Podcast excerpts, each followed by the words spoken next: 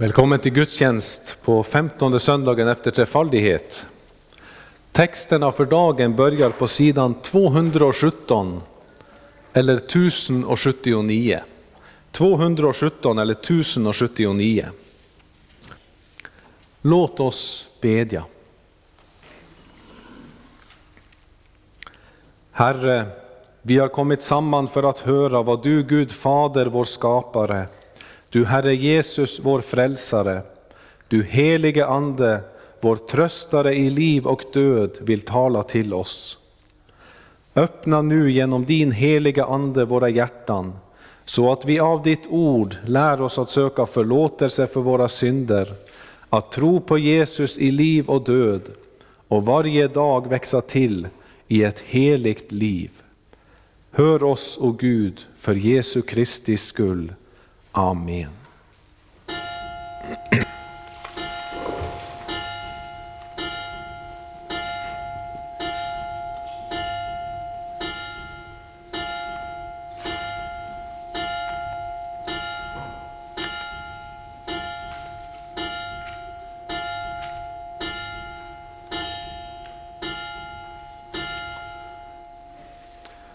Så börjar vi vår gudstjänst med att sjunga på 329, verserna 4 och 5.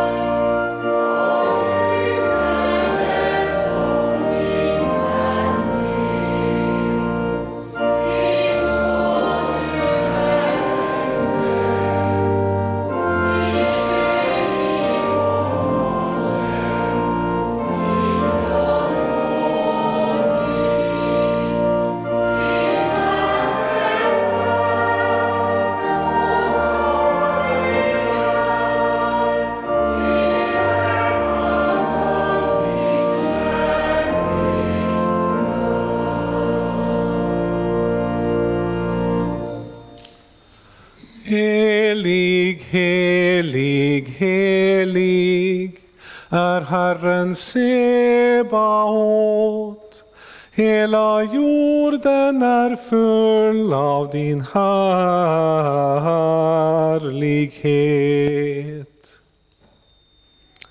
Herren är i sitt heliga tempel.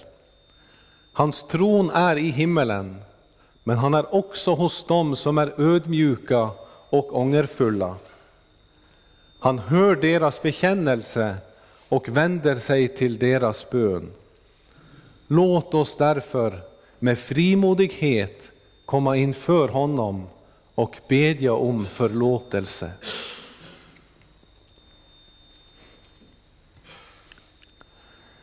Jag fattig, syndig människa bekänner inför dig, helige och rättfärdige Gud, att jag som är född med synd på många sätt har brutit emot dig.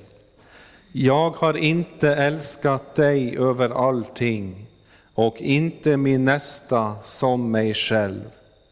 Mot dig och dina bud har jag syndat med tankar, ord och gärningar. Jag är värt att förkastas från ditt ansikte om du skulle döma mig som mina synder har förtjänat.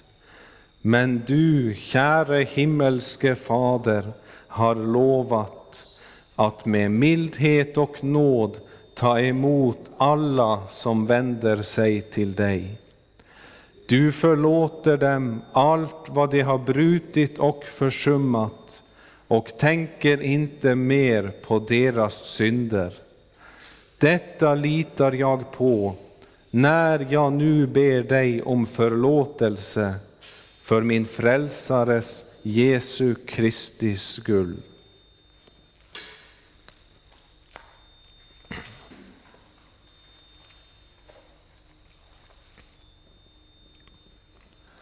Begär du dina synders förlåtelse för Jesu Kristi skull, så är i kraft av Guds ord och löfte fast och visst att Gud av nåd förlåter dig alla synder.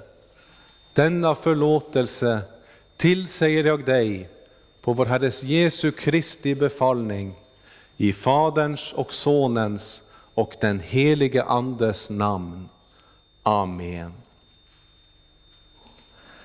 Käre Fader i himmelen, vi tackar dig för syndernas förlåtelse genom Jesus Kristus, vår Herre. Amen.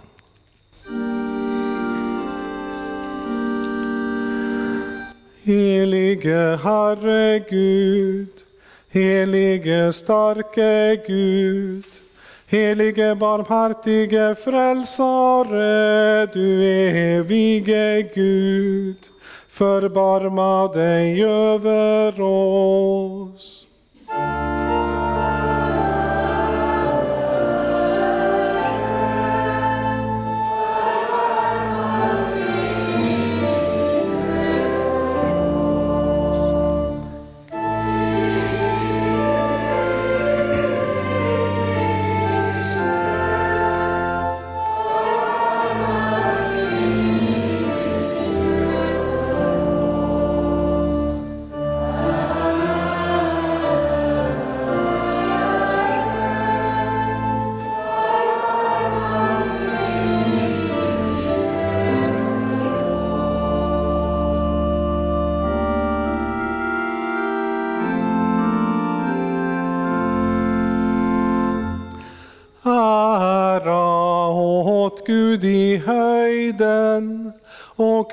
Frid på jorden bland människor som han älskar.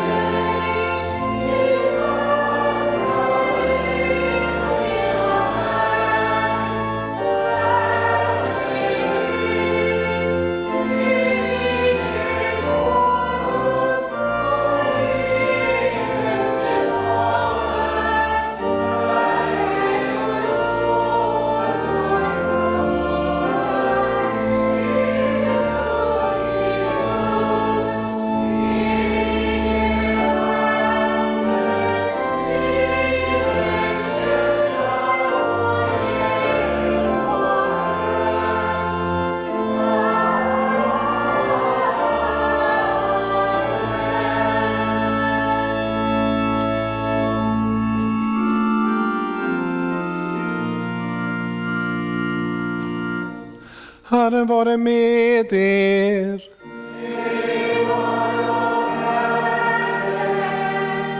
Låt oss bedja. Herre vår Gud, du som sökt sörjer för allt skapat. Lär oss att alltid först söka ditt rike och din rättfärdighet, så att vi förlitar oss på din nåd och av din hand tar emot dina gåvor. Genom din son Jesus Kristus, vår Herre. Amen.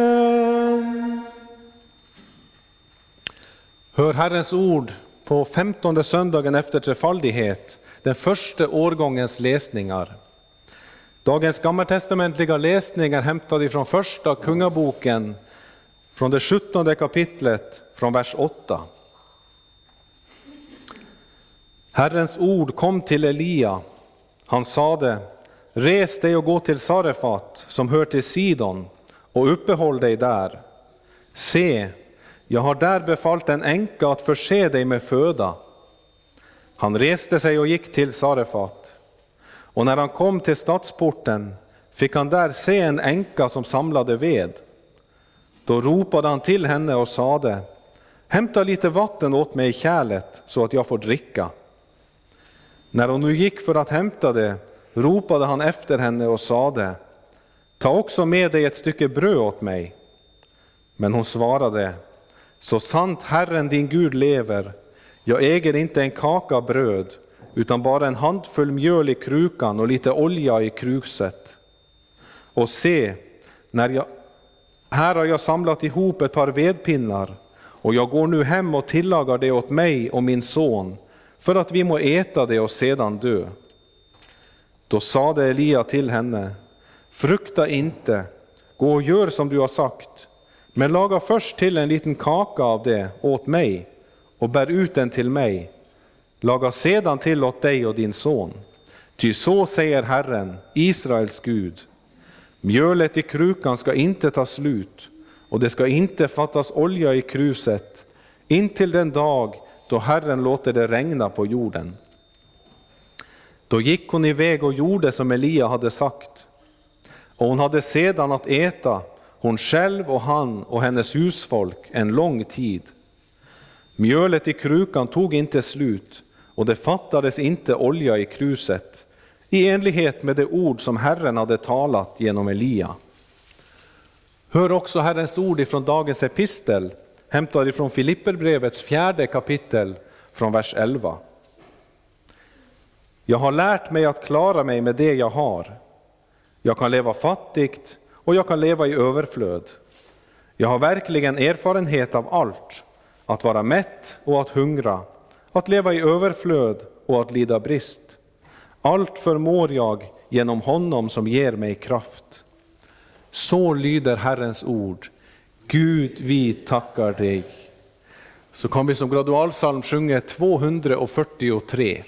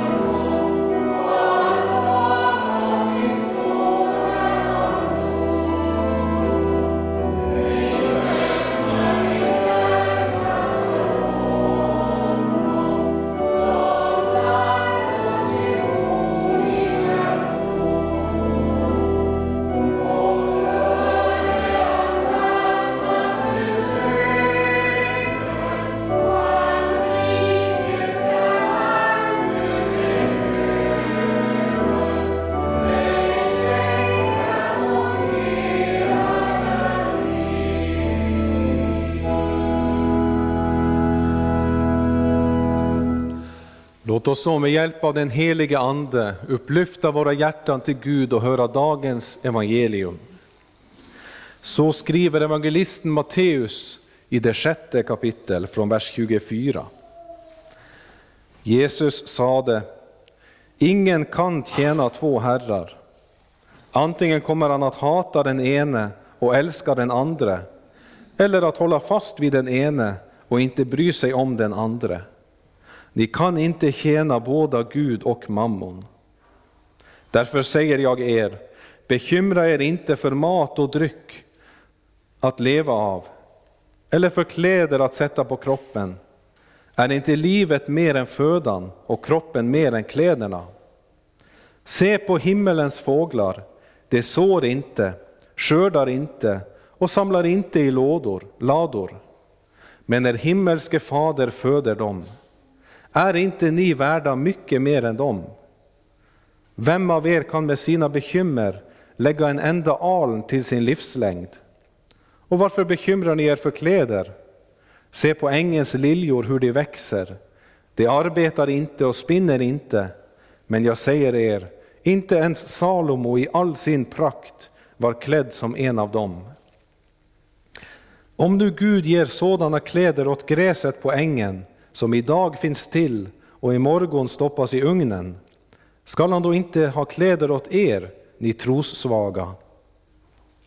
Gör er därför inga bekymmer, fråga inte, vad ska vi äta, vad ska vi dricka, vad ska vi ta på oss? Allt sådant jagar hedningarna efter. Men er himmelske fader vet att ni behöver allt detta. Sök först hans rike och hans rättfärdighet, så skall ni få allt det andra också.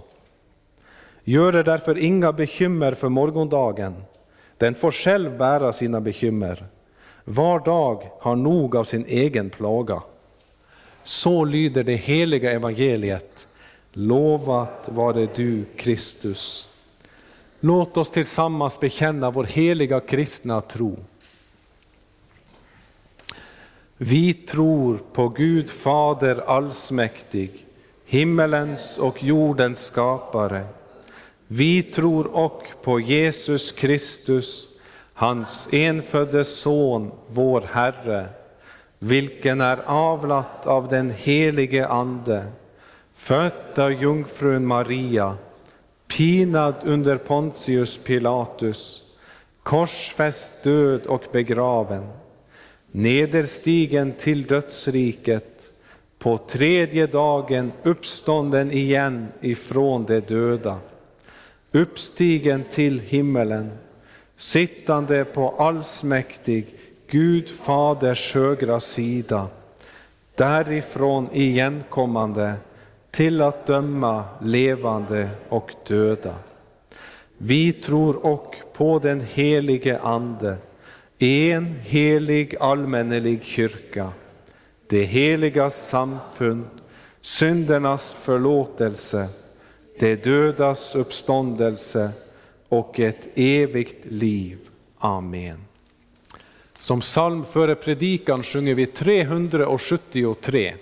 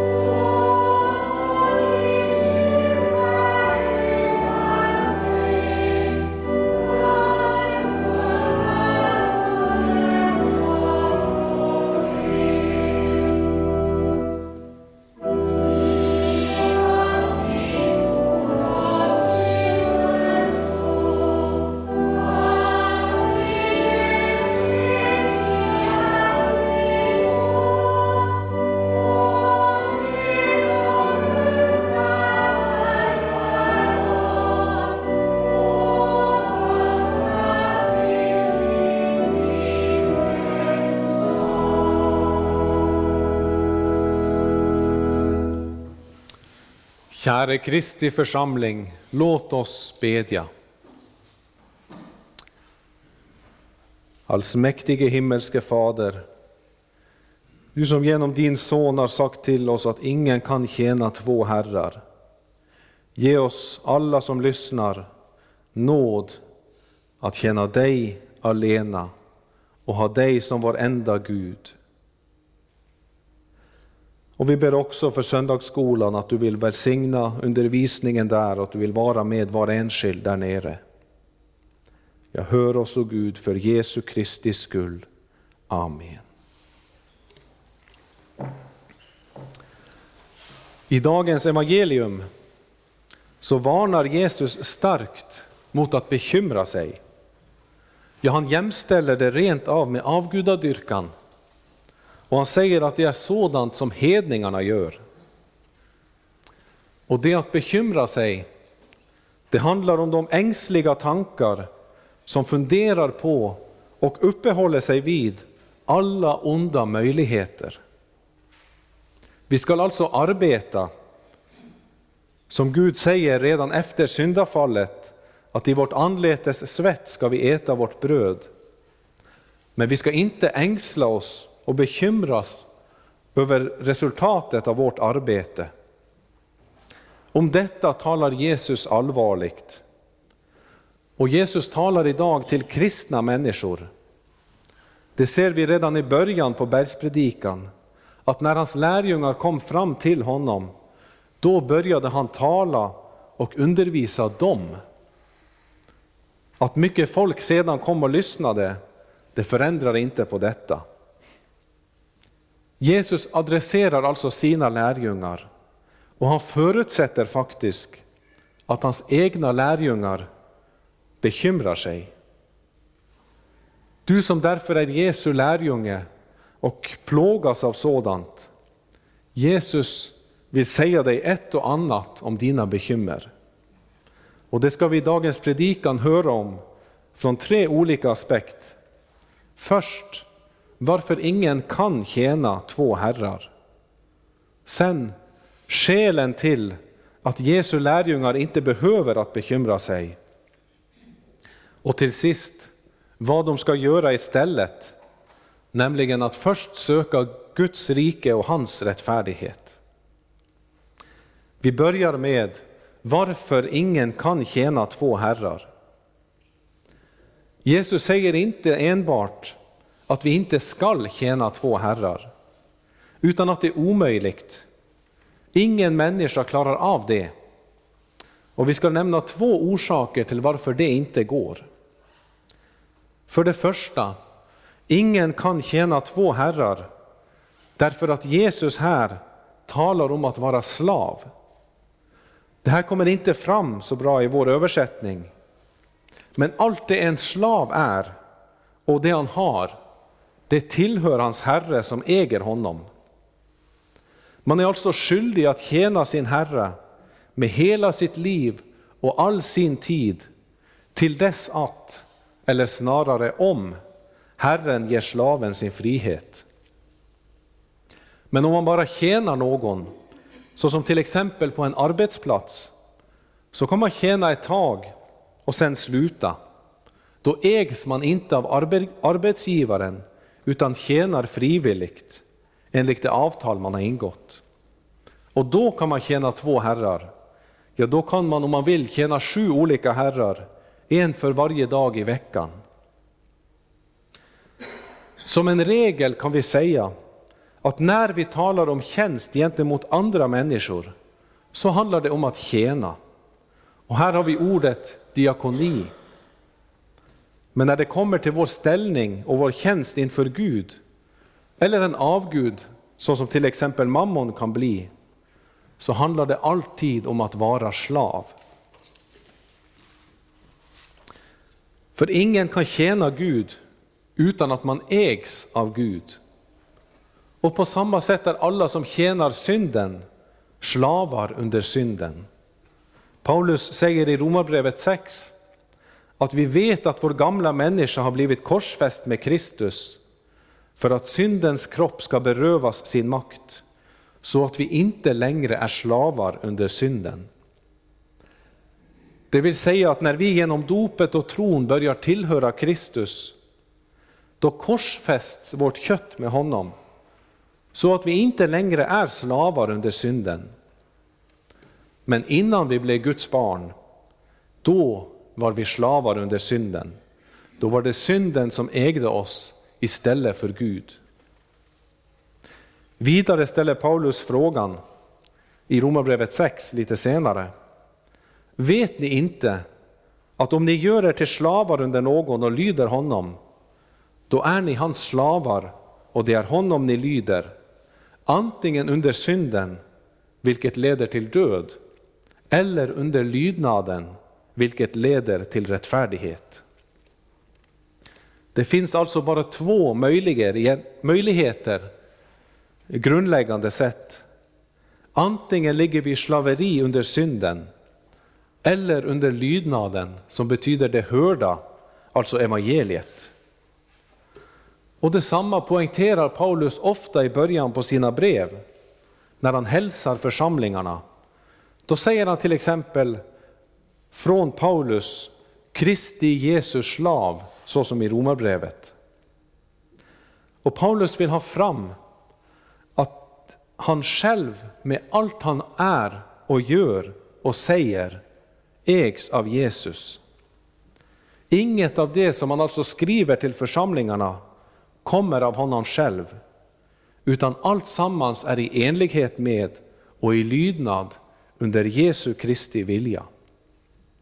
Detta var den ena orsaken till varför ingen kan vara slav till två olika herrar, eftersom slavens hela liv tillhör sin herre. Den andra orsaken är att slaven då kommer att antingen hata den ene och älska den andra, eller kommer att hålla sig till den ene och se ner på den andra. Jesus ger ett exempel när han säger, ni kan inte tjäna både Gud och mammon.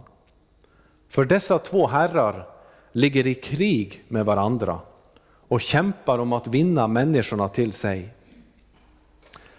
Därför kommer vi sist och slutligen att älska den ena och hata den andra.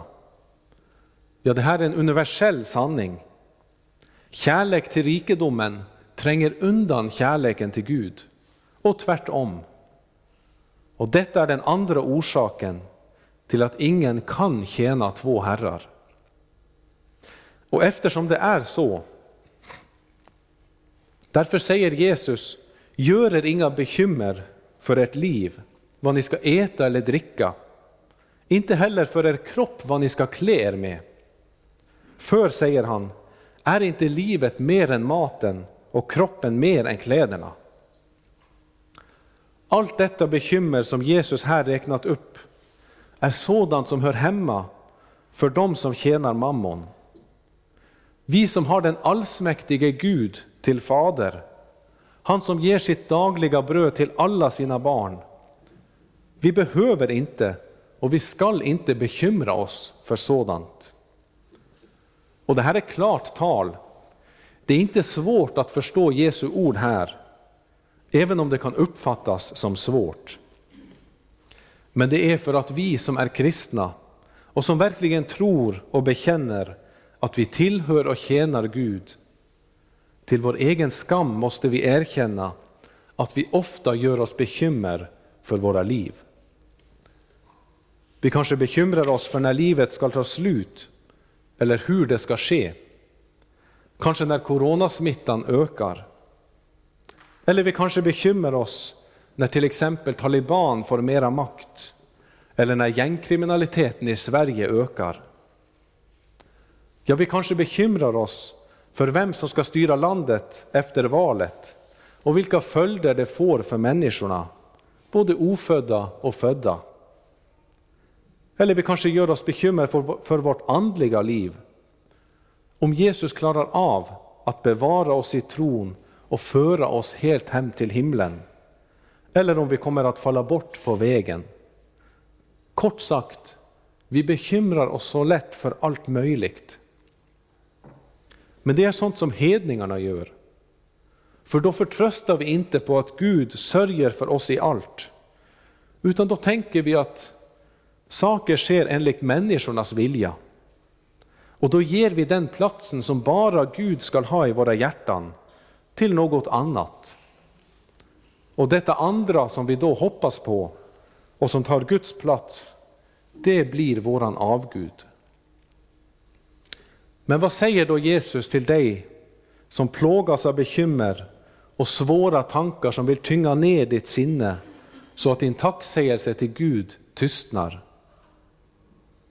Jesus kunde ha sagt att eftersom ditt bekymmer i grunden är avgudadyrkan och otro, därför ska du till helvetet. Men det gör han inte, utan han talar till sådana som tror på honom och som vill vara hans lärjungar. Och till dessa som verkligen plågas av bekymmer och all annan synd i sina hjärtan, till dessa kommer Jesus med tröst och hjälp. Han vill visa dem hur snett de ser på verkligheten och han vill öppna deras ögon för hur Gud har skapat och uppehåller hela skaparverket. Hur han mättar allt levande med nåd. Och det som är så stort är att den tröst som Jesus gav sina lärjungar på berget i Israel, den tröst vill han även att du som vill vara hans lärjunge skall tillägna dig. Och denna tröst ska vi tala om i predikans andra del, om de skäl som gör att vi inte behöver att bekymra oss. Jesu trösteord till sina lärjungar idag, de grundar sig i tron på att Gud är skaparen som har omsorg om sin skapelse. Att han leder historien framöver och varje dag är den som låter sin sol gå upp över, det, över onda och goda och låter det regna över rättfärdiga och orättfärdiga. Den som tror på att evolutionsteorin är svaret på universums uppkomst och utveckling, han hittar ingen tröst här av Jesus. För honom så blir det här bara fromma betraktelser. Men Jesus visar för dig som är hans lärjunge hur det egentligen förhåller sig med allt det som du behöver. Och han vänder din blick till Guds skapelse och säger, se på himlens fåglar. De sår inte, de skördar inte och samlar inte i lador. Och ändå föder er himmelske fader dem. Är inte ni mycket mera värda än dem? Ja, fåglarna flyger runt och hämtar varje dag den mat de behöver. De har inget kylskåp, jordkällare eller frysbox utan de får skänkt sin mat av Guds hand varje dag. Och ändå flyger de runt i sin glädje och lovsjunger sin Gud. Ja, dessa exempel lämnar oss människor på skam. För vi suckar och bekymrar oss som om det vore vårt suckande och bekymmer som fick marken att ge sin gröda. Vi borde istället inse att vi är mycket mera värda än dem. För Gud sände inte sin enfödde son för deras skull. Inte heller utgöt Jesus sitt blod eller gav sitt liv i döden för dem. När Jesus sonade Guds vredesdom och straff för människornas skull.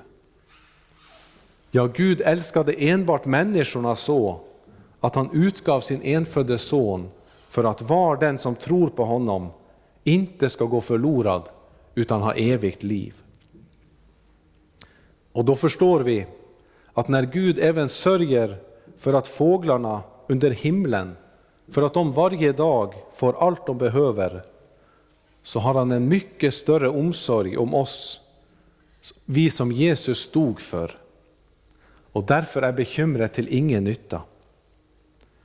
Om vi bara kunde lyfta våra, blick, våra blickar bort från våra mänskliga tankar och ett ögonblick tänka över denna klaraste logik, så kommer vi inse hur meningslöst allt jordiskt bekymmer är. för alla Jesu lärjungar. Ja, inte endast meningslöst, utan farligt.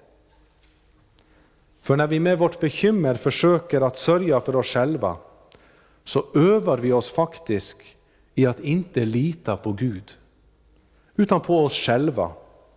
Alltså det motsatta av första budordet, vilket är den största synd. Och detsamma gäller bekymmer om vår hälsa och krafter. Jesus ställer frågan, vem av er kan med sitt bekymmer lägga en enda aln till sin livslängd? Ja, hade vi övat oss lika mycket i att tänka på hur Gud både ger och uppehåller allt som har livsande i sig, då hade vi kanske insett att om Gud inte hade givit oss vårt nästa andedrag, så hade vi fallit död om på marken. Och då hjälper det inte hur mycket tid eller krafter som vi använder på att träna vår kropp. Nej, alla våra dagar är räknade av Gud i himlen och det är det som allt beror på. Detsamma gäller bekymren för kläderna som vi skyddar och värmar våra kroppar med. Jesus frågar sina lärjungar, varför gör ni er bekymmer för kläder? Öppna istället era ögon och se på ängens liljor, hur de växer. De arbetar inte, spinner inte, men jag säger er att inte, inte ens Salomo i all sin prakt var klädd som en av dem. Blommorna står fast i marken och kan inte ens förflytta sig emot den näring som de behöver, utan de är avhängiga av att Gud skickar solstrålarna och regnet just där de befinner sig. De kan inte arbeta eller spinna kläder, utan är i totalt behov av Guds nåd. Och ändå är deras klädesdrakt inte bara varm och ger dem deras skydd, utan den är så präktig att inte ens historiens kanske rikaste kung med alla sina sömmerskor och all världens fina lin, silke och annat material, inte ens han kunde mäta sig med en enda av dessa förgängliga liljor. Ja, Gud är en allsmäktig skapare som uppehåller sitt skaparverk. Och som en slutkläm för att riktigt utbrodera hur onyttigt allt vårt bekymmer är, så säger Jesus att om nu Gud ger sådana kläder åt gräset, som idag står på ängen och imorgon kastas i ugnen, hur mycket mer skall han då inte klä er, ni klentrogna? Detta gäller allt som Jesus har talat om. Hur mycket mer skall då inte vår himmelske Fader sörja för oss på allt sätt? Och märk, Jesus säger inte att Gud ska klä dem som har en stark tro. Nej, Gud skall mycket mera klä de klentrogna, de som bara har en liten tro, men som kanske har stort bekymmer. Dessa ska få räkna med Guds omsorg. Och Paulus sammanfattar detta från ett djupare perspektiv i Romarbrevet 8. Han säger att han som inte skonade sin egen son utan utlämnade honom för oss alla, hur skulle han kunna annat än också skänka oss allt med honom? Ja, hur skulle Gud kunde överge oss och våra jordiska behov när han har sörjt för våra andliga? Svaret är att det går inte. Gud kan inte överge dem som har tagit sin tillflykt till hans son. Gud kan inte överge dessa svaga, bekymmersamma lärjungar som trots all sin synd och otro, trots alla sina försök på att bli heliga, har insett sin oförmåga och därför behöver förlåtelsen för sina synder, skänkt av nåd som en gåva. Och det gäller oss som var avhängiga av att Fadern inte ens skonade sin enda son, utan utlämnade honom till att drabbas av vårt eviga straff. Ja, Gud kan inte överge sin lärjunge, varken den gång eller idag. Vår skuld och vår rättmät, rättmätiga straff som vi har ådragit oss genom vår otro och vårt bekymmer, den behöver inte heller bekymra oss. För den har drabbat Guds son. Han som har döpt oss in i förbund med sig själv och som har givit löfte om alla sina himmelska rikedomar. Du bekymrade människa som längtar efter att vara fria, fri från ditt bekymmer. Du som inte vet någon annan räddning för dig än Jesus Kristus, Guds son. Du får idag försäkran om att Gud sörjer för dig, både här i tiden och i evigheten. Och Jesus försäkrar dig vidare att er himmelske fader vet att ni behöver allt detta. Inte bara vet Gud dagligen hur vi faller i synd och hur det kan tynga vårt samvete. Inte bara vet Gud hur vi likt liljorna på marken behöver att han själv kommer till oss för att skänka oss sina gåvor. Utan vår himmelske fader vet att vi behöver allt som livet här i världen kräver och vill att vi ska låta bekymren fara och förlita oss på honom själv och hans skaparmakt. Han som kallar på det som inte är till som om det vore till och som har en sådan kärlek till oss människor att han gråter över och ber även för sina fiender. Han kommer att fortsätta att skänka sina klentrogna lärjungar allt som de behöver utan att vi behöver bekymra oss för det. Han vet att vi behöver allt detta. Och som vi ska höra om i predikans sista del, så vill inte Jesus enbart att vi ska vända oss bort från bekymren, utan han ger oss även något som ska ersätta bekymrets plats. Han säger nämligen, sök först Guds rike och hans rättfärdighet, så skall ni få allt det andra också. Detta får vi förtrösta på. När vi har insett att Gud är den enda som kan försörja och uppehålla oss, den enda som kan ge oss trygghet gentemot allt som vi möter här i världen, då finns det inget kvar att göra än att lämna allt vårt jordiska bekymmer och istället söka hans rike och hans rättfärdighet. Söka att för egen del äga Guds rättfärdighet som skänks oss genom förlåtelsens ord, så vi kan förbli i hans nåderike, i gemenskap med Fadern och Sonen och med hans kyrka, så som förra veckans evangelium handlade om. Och när vi människor söker det som är hans, så måste vi också gå till de platser där Jesus regerar med sin nådiga närvaro. Dit som han har sagt att här är platsen som du finner mitt rike och min rättfärdighet. Och den platsen är där som hans ord ljuder, där dopet utförs och där nattvarden utdelas. För detta är medlen som Gud skänker oss sin nåd igenom, enbart dessa tre. Vi kan inte hitta Guds rike och hans rättfärdighet andra ställen än där han låter dig finnas. Men söker vi hans gåvor där han har lovat att skänka dem, så får vi också vara vissa på att vi kommer bli välsignade. Då kommer vi uppleva att Guds trofasthet räcker ändå till skyarna. Och kom ihåg, Gud har redan gett oss sin son Därför att han faktiskt ville skänka oss sin rättfärdighet. Han ville göra oss del i sitt rike. Det är hans eviga vilja.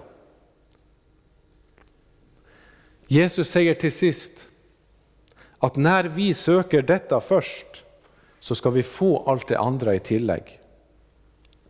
Inte så att vi söker Guds rike och hans rättfärdighet därför att vi också ska få allt det andra. Nej, Jesus har ju redan gjort det klart för oss att allt det andra är sådant som Gud ger oss redan, frivilligt. Men här påminner Jesus oss om att när vi söker Guds rike och hans rättfärdighet så kommer inte allt det andra att försvinna för oss, utan det kommer också att ges oss.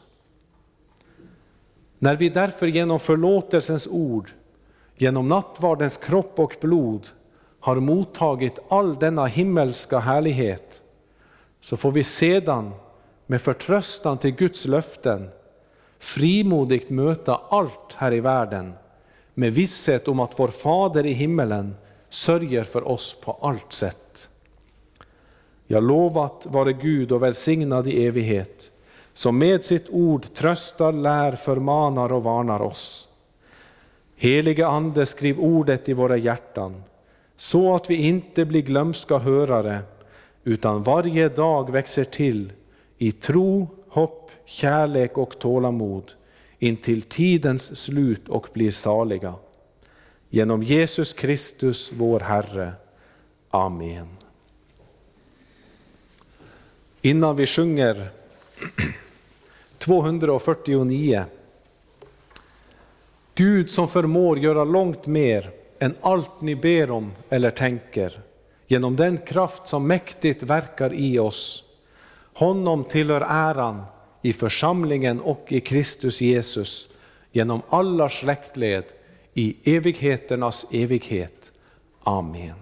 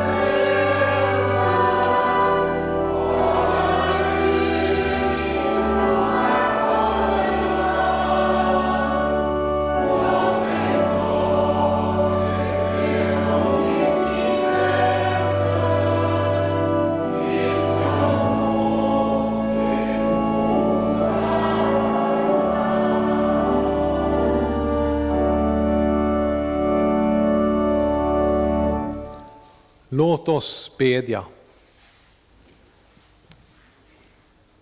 Herre vår Gud, vi ber dig, styrk och led din kyrka och samla ditt folk kring ordet och sakramenten. Låt ditt evangelium nå ut i hela världen och väcka levande tro. Ge dina vittnen kraft när de får lida för din skull. Skydda vårt land och ge vishet åt dem som har fått förtroende och ansvar i vårt samhälle. Ge dem att fatta rätta och visa beslut till ära för ditt namn och till gagn för folket. Och vi ber också för Svenska kyrkans val, att du vill vara med där och leda det enligt din vilja. Välsigna vårt arbete, ge världen fred och låt det onda hindras och din vilja ske. Ge oss dagligt bröd och stärk vår vilja att dela med oss åt dem som lider nöd.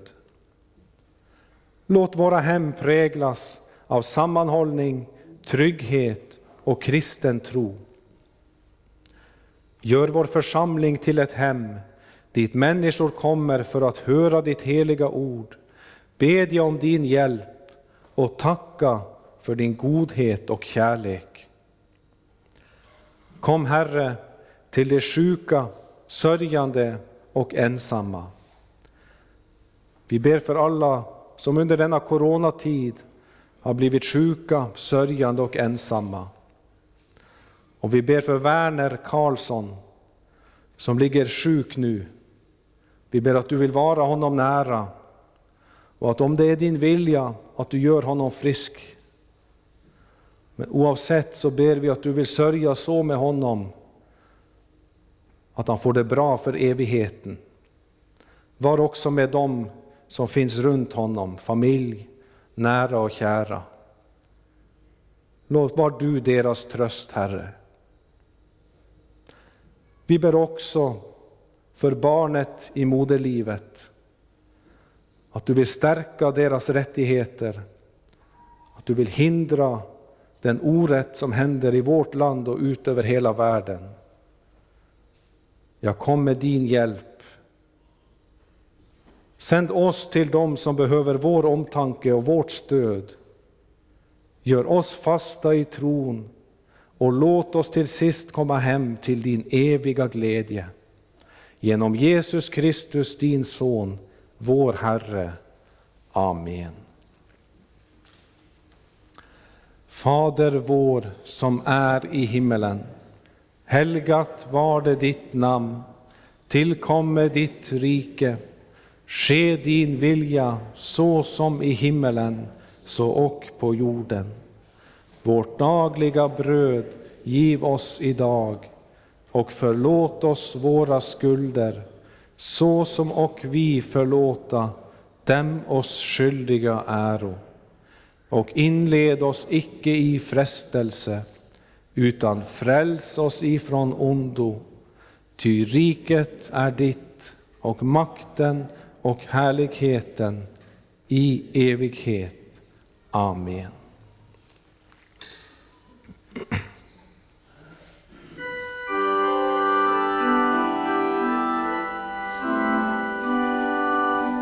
Låt oss tacka och lova Herren.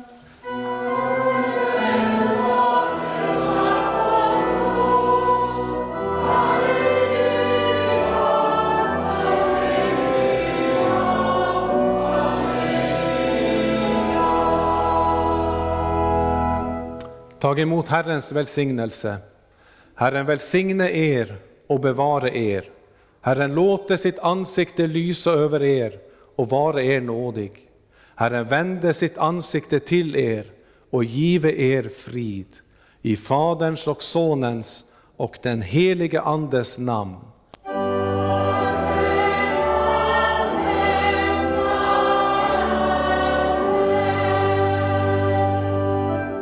så sjunger vi till avslutning 177, 77, den sista versen.